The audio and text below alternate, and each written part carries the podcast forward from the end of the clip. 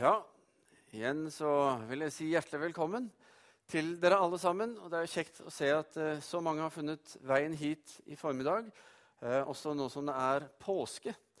Eh, hjertelig velkommen også til deg som eh, sitter og lytter til denne talen over nett. Veldig kjekt at vi kan ønske deg også velkommen i formiddag.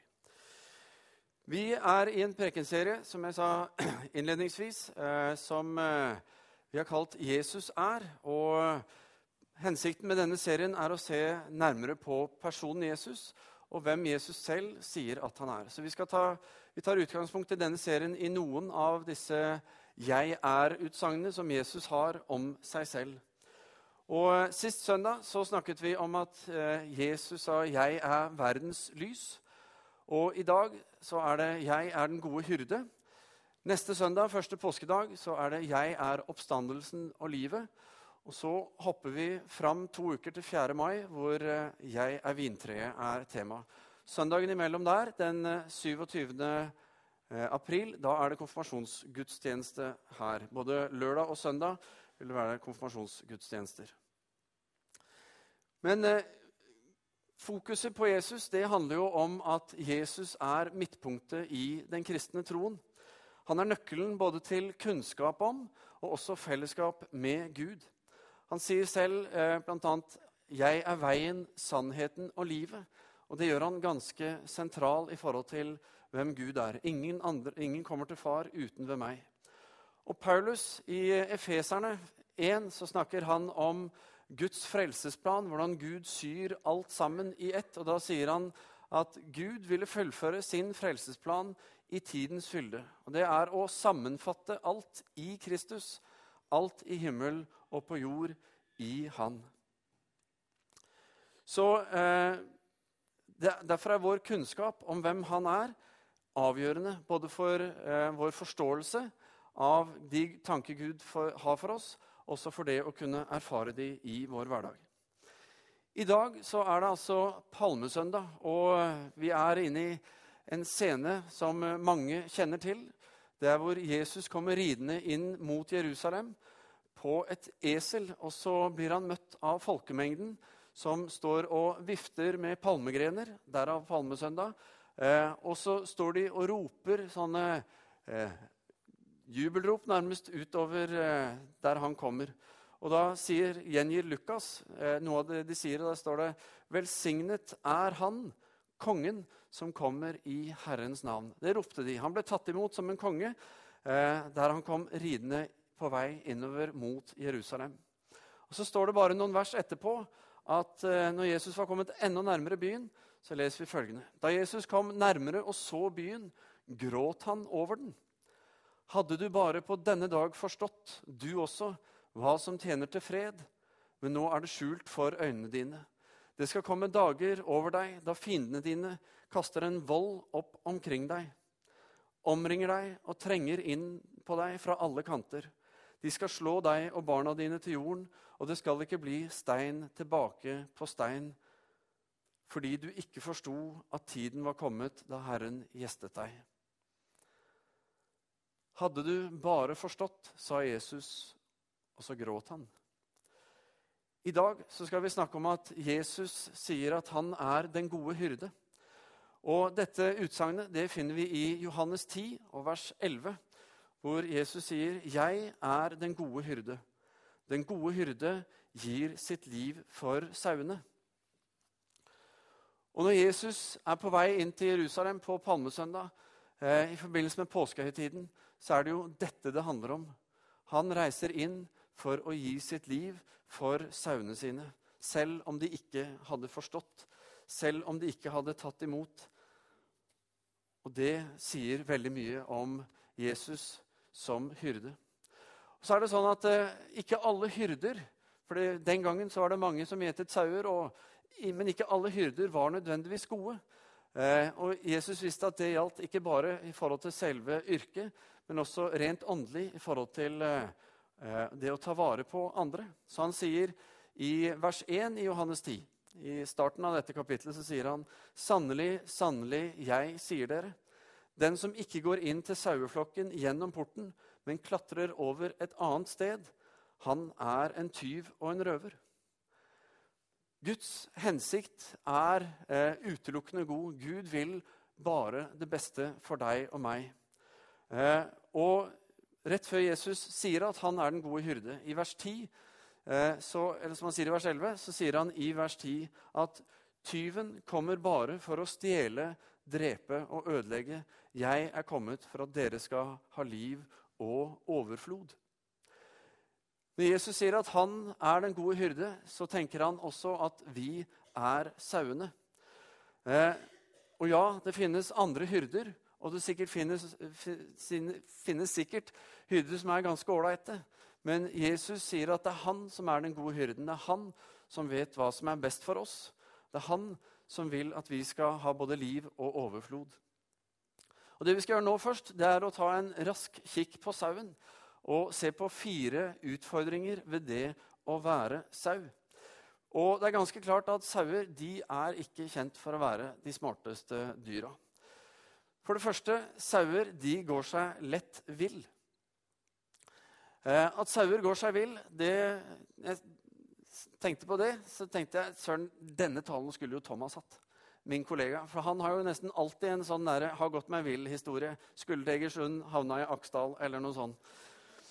Eh, men poenget er at sauer de tenderer til å gå sin egen vei dersom de ikke blir ledet. Og Det er blitt sagt en gang at den som ikke vet hvor han skal, han ender som regel opp et annet sted. Nå er den litt dyp, men den er veldig sann om sauen. Og Derfor er sauer helt avhengig av å bli ledet. Og ikke bare ledet, men ledet av den gode hyrden som vet og vil det beste for sauen. For det andre så er sauer de er forsvarsløse. Ingen skarpe klør eller skumle tenner eller et eller annet sånt. De har egentlig bare én ting å gjøre når det kommer en fare, og det er å løpe så fort de kan. Og ikke er det de raskeste dyrene heller. Så eh, det sauen trenger, er jo nettopp en hyrde som er villig til å gå inn og beskytte og ta kampen med nettopp den fienden, enten det var bjørn eller løve eller andre dyr som kom. Eh, for det tredje sauer de er sta. Hvis en sau går inn altså prøver å gå gjennom et litt sånn smal, smal bergsprekk, for han ser noe godt på andre siden, og han setter seg fast i den sprekken, så kommer han ikke til å sette den i revers og gå tilbake. Men han kommer til å fortsette å gå og presse på for å komme gjennom. Og han kan risikere å bli sittende helt fast og ja, til og med å dø der. Og Da er det også godt å vite at en hyrde han vil gå og lete etter sauene for til og med å kunne hjelpe de løs dersom de har satt seg fast. Og sist, men ikke minst, sauer er skitne. Nå pleier vi ofte å se bilder av sauer som rene og hvite og myke og gode. og Det virker som den beste hodeputen å ha. Men sannheten er jo at sauer de er skitne. De lukter vondt, og så har de heller ikke evnen til å vaske seg selv. Og Det er ikke rart at lam smaker bedre enn sau, fordi den der ille greia har liksom ikke satt seg ordentlig. Så det sier jo litt. Men poenget er at sauer de trenger en hyrde. Eh, de trenger en god hyrde som vil det beste nettopp for sauen. Og Så skal vi se på fire kvaliteter ved den gode hyrden som Jesus sier at han er. Vi skal se hvilken rolle han ønsker å ha, og hvorfor vi trenger Jesus. Nå har vi fått litt sånn bakgrunnsbilde på sauen. Eh, og nå er det altså den gode hyrden. Og Vi skal eh, ta utgangspunkt i Salme 23, som vi finner i Det gamle testamentet, hvor kong David nettopp bruker hyrden som et bilde på Gud. Og Det første eh, kvaliteten ved den gode hyrden vi ser, det er at han, eller skal se på, det er at han leder oss. I vers 3 i Salme 23 så sier David han leder meg på de rette stier for sitt navns skyld. Eh, og Det betyr at navnet det sier noe om hvem han er. Det er en karakter, det er en identitet som han har, som gjør at han velger å lede meg på de rette stier. Eh, han gjør det ikke bare for sin egen del, men det er liksom hans integritet, hans karakter, det er å gjøre dette. Og eh, Tilbake i Johannes 10, i vers eh, 3 og 4, så sier eh, Jesus at sauene hører stemmen til hyrden. Han kaller sine egne sauer ved navn, og han fører dem ut. Og når, fått, eh, og når, han har fått ut alle sine, går han foran dem, og sauene følger han, for de kjenner hans stemme. Den gode hyrden han er den som leder, og som har en stemme som sauene kjenner igjen. Eh, så kan du fort tenke at men jeg er ikke helt sikker på eh, om jeg hadde klart å kjenne igjen stemmen. Om jeg vet akkurat når er det Gud taler, og når er det han ikke taler. Hva er det som er Gud? Og Nå tror jeg at Gud kan, hvis han ønsker, tale til oss med en hørbar stemme. Eh, men langt oftere enn det, for det tror jeg skjer forholdsvis sjeldent. Men og det kan skje mye, det er ikke det. Men jeg tror at vår erfaring for det meste er at Gud taler til oss gjennom sitt ord, eh, gjennom Bibelen. Og Jo mer vi leser Bibelen, jo lettere er det for oss både å forstå eh, om det er Han som taler til oss, og også se. Og så forteller Bibelen oss om flere måter han eh, nettopp taler til oss. Han kan gjøre det ved å gi oss innskytelser, som det het før, eller tanker, som vi gjerne kaller det nå. Så du får en idé eller et eller annet om å gjøre noe. Eller han kan tale til oss i drømmer eller syner, eller han kan sende, andre mennesker til oss for å eh, nettopp tale til oss. Men det som er viktig for oss, det er jo å lære oss å kjenne igjen hans stemme. Og det tror jeg nettopp det å lese mye i Bibelen og eh, bruke tid sammen med han, er en god hjelp der. Men vi trenger altså å kjenne han best mulig. Og Hvis du skulle forestille deg at eh, du skulle gå inn i et rom med 50 skravlende mødre som sitter og, og, prater og prater. Og så skal du få bind for øynene, og så er din oppgave å gå inn og finne din mor. Da er jo spørsmålet ikke sant, hvor godt kjenner du hennes stemme i mylderet? Og hva er det som karakteriserer hennes stemme eh, sammenlignet med andre, som gjør at dette resonnerer spesielt hos deg? Eh, og Jo bedre vi kjenner stemmen, jo lettere er det for oss å finne og nettopp få eh, Eh, det. I tillegg er det jo det at ikke bare kjenner, snakker Jesus om å kjenne sin stemme, men han snakker om det at han bruker Han kaller oss ved navn. altså Han er personlig. Det er noe dypere som ligger i dette forholdet mellom sauen og den gode hyrden. For det andre så er den gode hyrde en som forsørger oss. I Salme 23, vers 1, så begynner David med å si Herren er min hyrde, jeg mangler ingenting. Han lar meg ligge i grønne enger, og han fører meg til vann, der jeg finner hvile og gir meg ny kraft. Vet ikke hvor ofte du har sett en sau hvile. Ofte er de ute og løper og går. Men det er sagt at sauer har tre kriterier for å hvile. Og Det første er at de er mette. De er gode og mette. De trenger ikke å gå rundt og finne mat. Det andre er at de eh, føler seg Altså, de har funnet sin plass i flokken, at de har det bra der de er. Og for det tredje at de føler at de er trygge i forhold til ytre farer. Og eh, David sier at når Gud er hans hyrde, ja, da mangler han ingenting. Og for David, eller for sauen, så betyr det da at eh, ikke bare får han hvile, men han får ny kraft, eller han får nytt liv, som det står i den siste oversettelsen. Jesus han er den gode hyrden, og han sørger ikke bare for at vi får mat og drikke, men han ønsker å møte oss på dyp i livet, i det sjelelige og det åndelige. Og han ønsker at vårt vitnesbyrd som David skal være 'Jeg mangler ingenting'. Og For det tredje så vil en gode hyrde han vil korrigere. Han vil hjelpe oss å justere og finne vår vei. Er vi på avveie, så vil han i sin kjærlighet og omsorg prøve å hjelpe oss tilbake.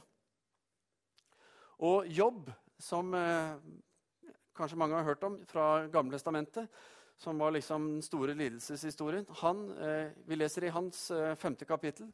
Der står det salig er den som Gud viser til rette.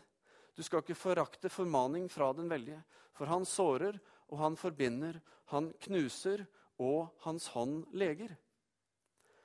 Nå var det sånn på den gangen at hyrdene de, Deres jobb var jo å sørge for at flokken var samlet.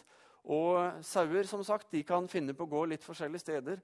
Og lammene spesielt. Hvis lammene eh, måtte satt av gårde sin egen kurs, så ville hyrden følge etter eh, for å finne den. Og når han fant den, så ville han eh, bruke hyrdestaven sin til å slå dette lammet over benet, sånn at benet knakk.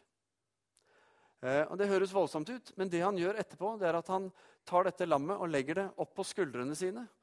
Og så bar han dette lammet tilbake, og så forbandt han opp og sørget for at dette skulle gro ordentlig igjen. Og så stelte han og pleide med og tok ordentlig vare på dette lammet til det var helt friskt. Og Resultatet var at forholdet mellom lammet og hyrden eh, ble veldig nært. Det ble som et kjæledyr. ikke sant? Og lammet visste hele tiden hvor han skulle være, og hvem som ville ta vare på han. Og På samme måte så er du og jeg frie til å eh, gå den veien vi vil, og gjøre det vi vil.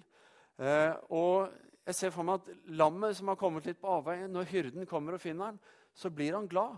Han tenker 'så fint'. ok, Dette var bra. Han kjenner jeg igjen. Han har jeg sett før.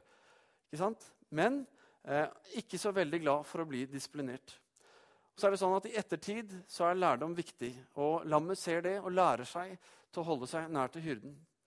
Eh, og så er det noe med at en slik læring, altså fordi hyrden kommer og lærer, så eh, er jo det også noe som unngår at det får større eh, og mer alvorlige konsekvenser for lammet. Vi kan kalle det en slags fars eller mors omsorg som hyrden har for nettopp sine sauer, for sine lam.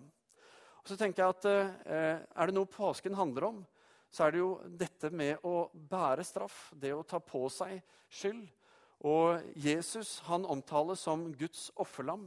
For I Det gamle testamentet så ofret man lammet, eh, kom man med et lam som ble ofret en gang i året. Så ble eh, det ofret og blodet båret fram og malt på eh, hus og, og, rundt for å på en måte sone synd. Og så eh, gikk ypperstepresten inn og ba om tilgivelse på vegne av folket. Og Jesus, det han gjør i påsken, det er jo nettopp å være det lammet som tar på seg all din og min straff, som eh, eh, bærer vår skyld og vår synd og går denne veien for, for oss. Og så ønsker han eh, å korrigere oss og vise oss vei. Og så står det det i Hebreerne 12, eh, vers 11, at all irettesettelse synes å være mer til sorg enn til glede mens den står på. Men siden gir den tilbake fred og rettferd som frukt hos dem som blir oppøvd i den. For det fjerde den gode hyrde, han beskytter oss. Sauen er som sagt et eh, forsvarsløst dyr. Og vi kan tenke Hadde den ennå hatt stålull, så var den kanskje litt bedre anlagt. Men eh, det har den jo ikke. Men hyrdene de var vant med å måtte eh, skremme vekk og få vekk alle rovdyr. Eh, og Det var svære, det var løve og det var bjørn og forskjellig som kom. Og de risikerte altså sitt eget liv for å beskytte sauene. Kanskje husker du historien om David og Goliat. Eh, unge David han var en som gjetet sauene til faren sin ut på marken. Han var ikke gammel nok til å være i krig, men så kommer han dit allikevel eh, for å gi noe mat til brødrene og litt av hvert. Og Så kommer denne historien med Goliat, hvor David til slutt ender opp som den som skal møte kjempen Goliat. Og Da er det jo nettopp den kunnskapen og erfaringen han har som hyrde, som gjeter for sauene der ute. eh, fordi han har kjempet en kamp før og vunnet over både bjørn og løve, så går han imot Goliat og vinner også den kampen. Og så er jo Denne unge David han er jo den som blir konge. og Han er også den som skriver nettopp Salme 23, som vi ser på nå. Og Vi leser videre fra vers 4 i Salme 23. Om jeg enn skulle vandre i dødsskyggens dal, frykter jeg ikke for noe vondt. For du er med meg, din kjepp og din stav, de trøster meg. Du dekker bord for meg like for øynene på mine fiender. Du salver mitt hode med olje, mitt beger renner over. Bare godhet og miskunn skal følge meg alle mine dager, og jeg får bo i Herrens hus gjennom alle tider. Nå er det mange gode, og flotte og beskyttende elementer i disse tre versene, men vi skal se på to av de. Og Det første var eh, å få salvet hodet sitt med olje. Det var noe man gjorde for å utvelge noe, altså vise at noe var eh, særskilt utvalgt eh, og måtte stå under en særlig også beskyttelse. David, Da han ble eh, valgt til konge, så ble han salvet. altså De helte olje over hans hode for å vise at ok, denne mannen han er vår nye konge. Men eh, lenge før David ble salvet til konge, så gikk han rundt og gjetet sauene til faren ute på marken. Og det han gjorde, var at han eh, salvet hodet til sauene. Det han gjorde var å helle rett og slett olje over hodet til sauene. Så sørget han for at dette ble gnidd godt inn, og særlig rundt eh, munnen og nesen.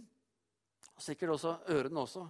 Fordi sauene de var plaget av insekter som hele tiden kom. Og denne oljen fungerte som et sånt insektmiddel. Eh, og ikke bare holdt den de unna, men noen av disse insektene hadde også for vane å krype inn i, gjennom nesen og inn, hvor den da la eggene sine.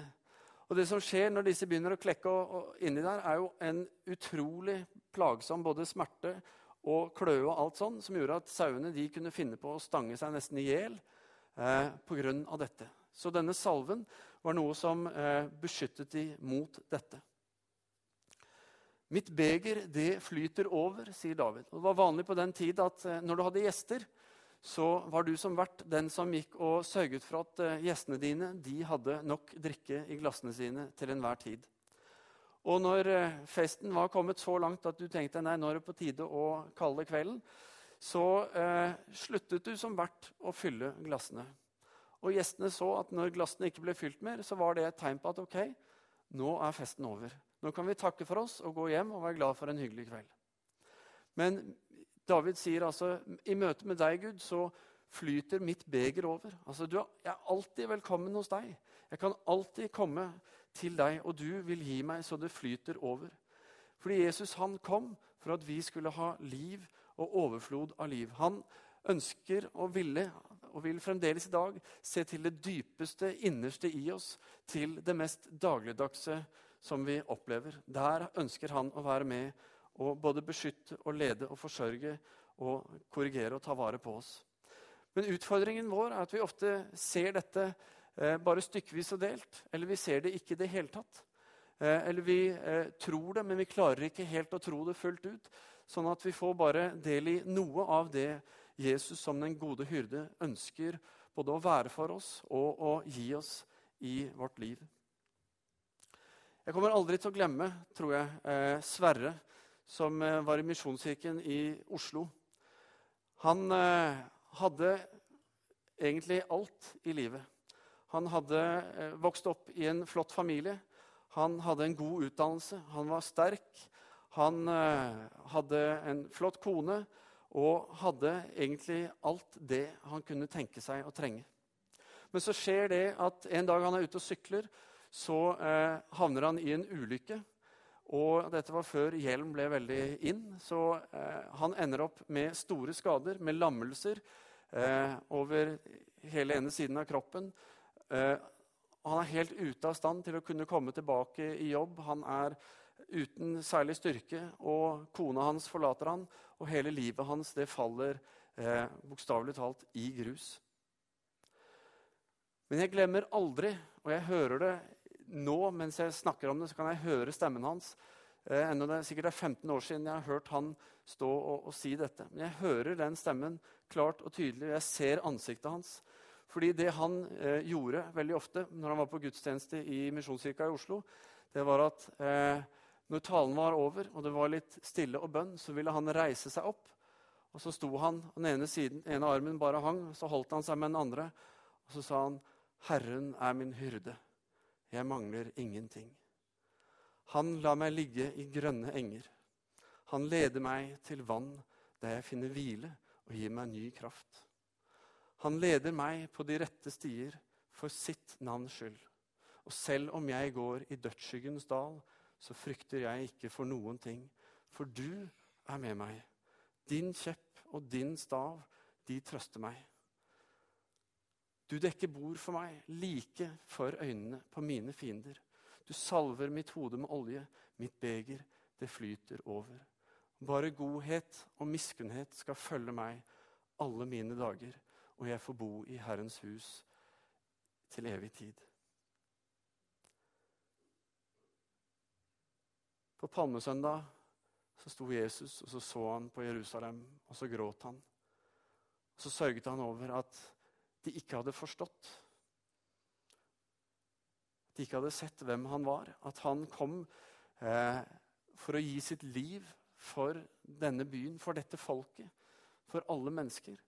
At ikke de så at han var nøkkelen i Guds frelsesplan. At det var han Gud hadde sendt. At det var han som skulle sørge for at livet, det skulle bli gjort fullkomment. Men så feirer vi påske fordi Jesus ikke bare døde, men han sto opp igjen. Og vi tror at han lever i dag. Vi tror at han er her nå, midt iblant oss. Og vi vet, jeg vet og tror at Jesus han går rundt og han ønsker å hjelpe sauer som er på avveie. Som har satt seg fast, eller som eh, ikke skjønner hvor de er, eller hva det nå er. Og han har egen lignelse om det ikke sant, i Lukas 15. Og jeg er overbevist om at han kaller på oss til å være med og lede mennesker tilbake til han og være hyrder sammen med han. Men så vet jeg også at det er mange av oss som trenger nettopp den gode hyrde. Ikke bare å forstå litt av han, men å få lov til å ta han imot fullt og helt. Fordi vi ser at oi, jeg trenger en som kan tale inn i livet mitt. Som kan lede meg, eller som beskytter meg, eller som korrigerer meg når ting ikke går sånn jeg hadde tenkt. Jeg trenger dette i mitt liv. Jesus lever. Graven er tom. Og han er den gode hyrde, og han ønsker å lede deg og meg inn i et liv i overflod sammen med Gud, vår far. Men hva det skal få bety i våre liv, det er det bare vi som kan avgjøre. Fordi han har gjort alt klart. Han har gitt sitt liv for sauene sine, og så skal vi få lov til å ta imot. Og han har kun det beste i sine tanker for oss. Skal vi be. Kjære himmelske Far, vi takker og priser deg, Herre, for at uh, du er den gode hyrde. Takk for at du er den gode hyrde som gir sitt liv for sauene sine. Og takk, Herre Jesus, at uh, du kjenner hver enkelt av oss. Og uh, du kjenner oss mye bedre enn vi gjør selv, Herre. Og du visste om alle våre valg. Du visste om livet vårt før vi ble født. Ikke fordi du hadde bestemt det, Herre, men fordi du er utenfor tid og rom, og du ser og du vet hvilke valg vi tar, uten at du påvirker det, Herre. Og Likevel så valgte du å ri inn til Jerusalem på palmesøndag, vel vitende om at der inne kom du til å bli tatt til fange. Der kommer du til å bli pisket og dømt og korsfestet, og der kommer du til å dø. Men takk, Herre, for at eh, du, Jesus, valgte å gå den veien. Og Takk for at uh, du fikk oppleve at uh, selv når du gikk i døden, så ville din far reise deg opp. Og takk, Herre, for at det er sant om oss. At uansett hvordan livet vårt går, Herre, om vi skulle ende si, ordentlig på avveie, eller vi føler at alt har gått i grus, eller hva det nå enn er, Herre, så er du vårt håp som løfter oss opp, og som ønsker å både forbinde oss og pleie oss og hjelpe oss og vise oss hvem du er og la oss få del i ditt fantastiske liv, Herre. Så Herre, tal til oss i formiddag. La oss få kjenne, Herre, og ta imot og åpne våre liv og bekjenne om vi må, Herre. Men se, Herre, at vi trenger deg, den gode hyrde. Og Hjelp oss, Herre, til å ta nye valg, Herre, om å følge deg, selv om ikke vi alltid forstår og ikke alltid ser. Men at vi sier dette er det vi vil. Fordi vi ønsker å leve sammen med deg, far. Priser deg, Herre Jesus. Amen.